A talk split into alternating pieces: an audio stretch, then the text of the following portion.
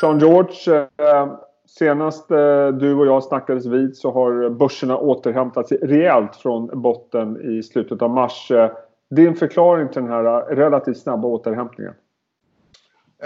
det var ett, det var många som letade efter en relief rally. två, det har varit en väldigt hög korrelation mellan börserna världen om och Italiens virusutveckling. Eh, och tack gode gud att eh, eh, det verkar som de börjar få kontroll över situationen i Italien. Kurvorna i Europa börjar se okej okay ut. Dödsfallen i Tyskland är inte särskilt höga. Och sen nu i det som i helgen som har gått nu så var det hyfsat mycket bättre utveckling i USA från ett virusperspektiv. Fortfarande jättehemskt och, eh, och, och jobbigt eh, men ändå bättre än liksom vad alla befarade. Och så aktiemarknaden uppenbarligen just nu är hyggligt optimistiska. vad säger räntemarknaden? kreditmarknaden är, säger ju samma sak. riskpremierna har kommit ner något kopiöst. Eh, du har haft eh, de största veckorna någonsin i nyemissionsmarknaden på företagsobligationer eh, i USA och jag tror samma sak i Europa.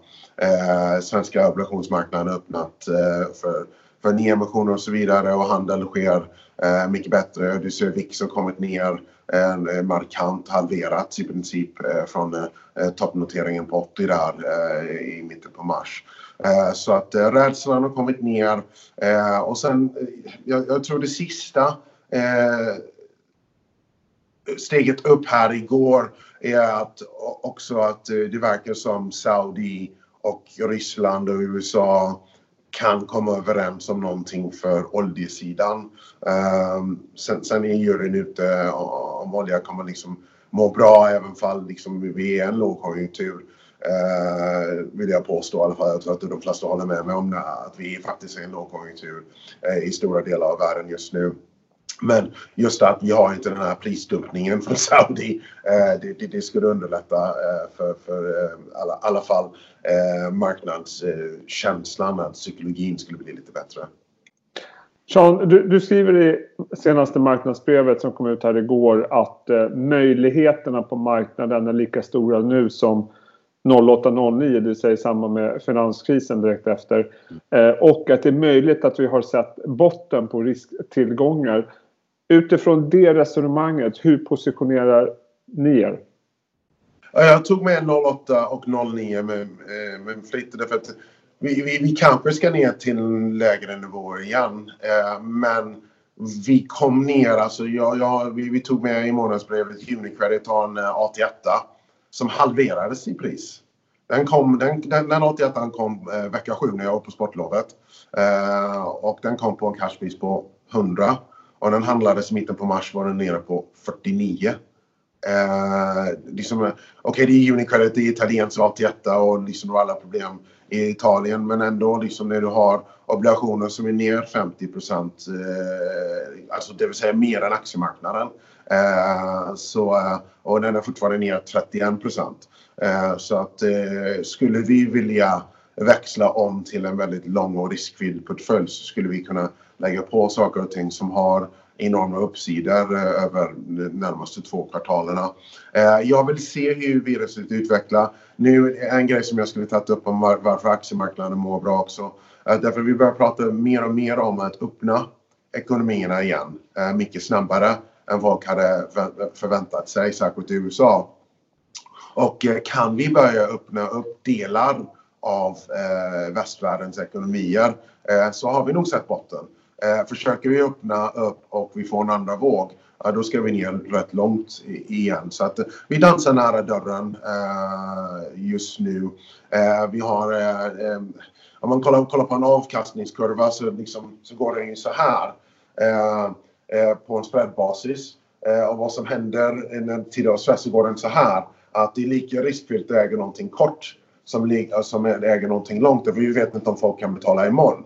Eh, och det är det, den delen av den främre delen av kurvan. Eh, det är livsfarligt när kurvan blir, blir flat, liksom att, att den slår eh, eh, plant. Så vad Fred försöker göra är att branta ut den här kurvan med att köpa företagsobligationer i, uh, i fem år och in för att branta ut avkastningskurvan på, på investment grade obligationer. Så vad vi har gjort är att vi har köpt väldigt mycket fem år och in eh, investment grade obligationer.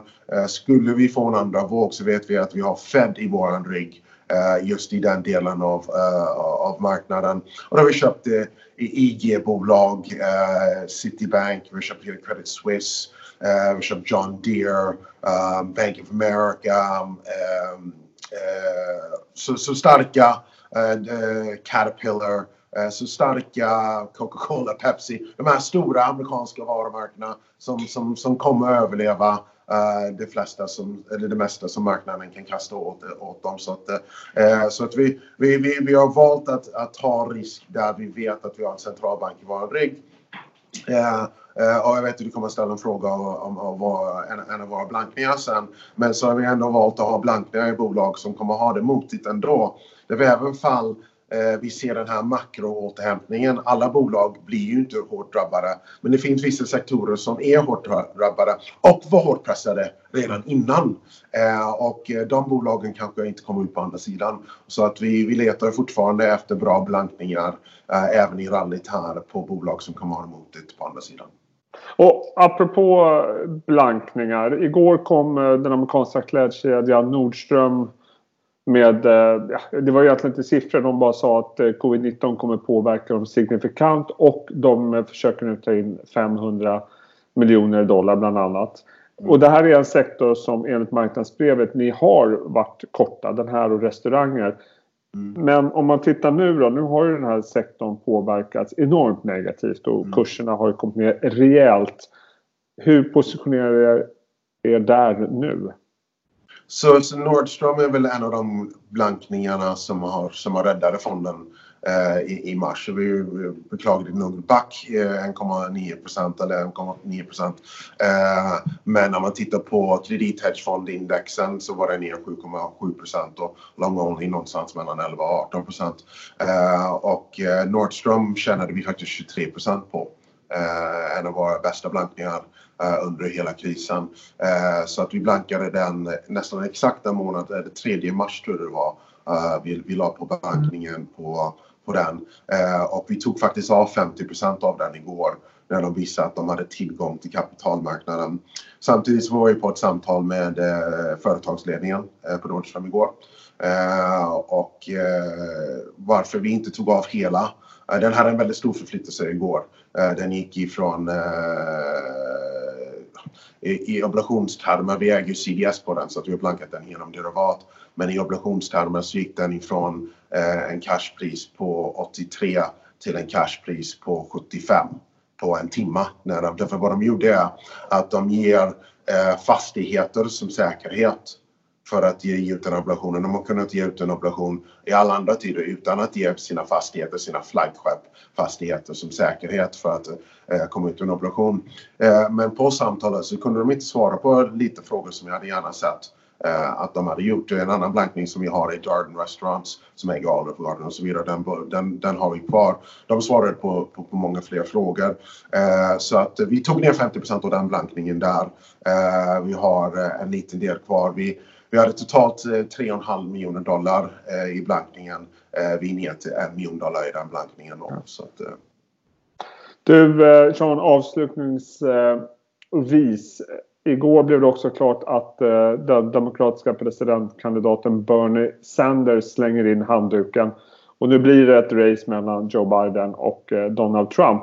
Det går ju givetvis under radarn all den här eh, på grund av coronan. Men utifrån marknadsperspektivet, hur känner man inför det här? Och är det fortfarande så att marknaden vill se Trump som president?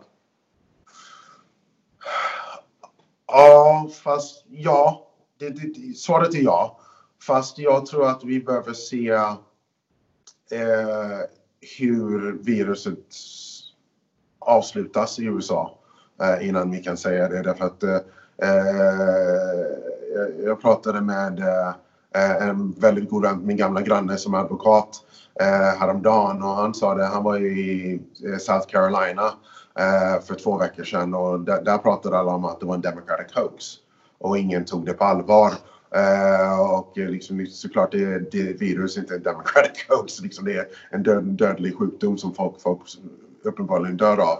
Eh, facit, när vi har facit i hand hur viruset har skötts i USA så tror jag att eh, då kan vi säga att Donald Trump eh, är den första kan, den kandidaten som de, de flesta vill ha. Grejen är att Biden är inte särskilt stark. Det är, det är, inte så att han väcker liksom, att folk vill springa ut till vallokalerna och rösta på honom. Eh, så att det kommer att vara en väldigt polariserad eh, eh, kampanj när den kommer igång igen. Jean George, tusen tack för att du tog dig tid. Lycka till idag och glad påsk! Ja, detsamma. Sköt om dig. Hej.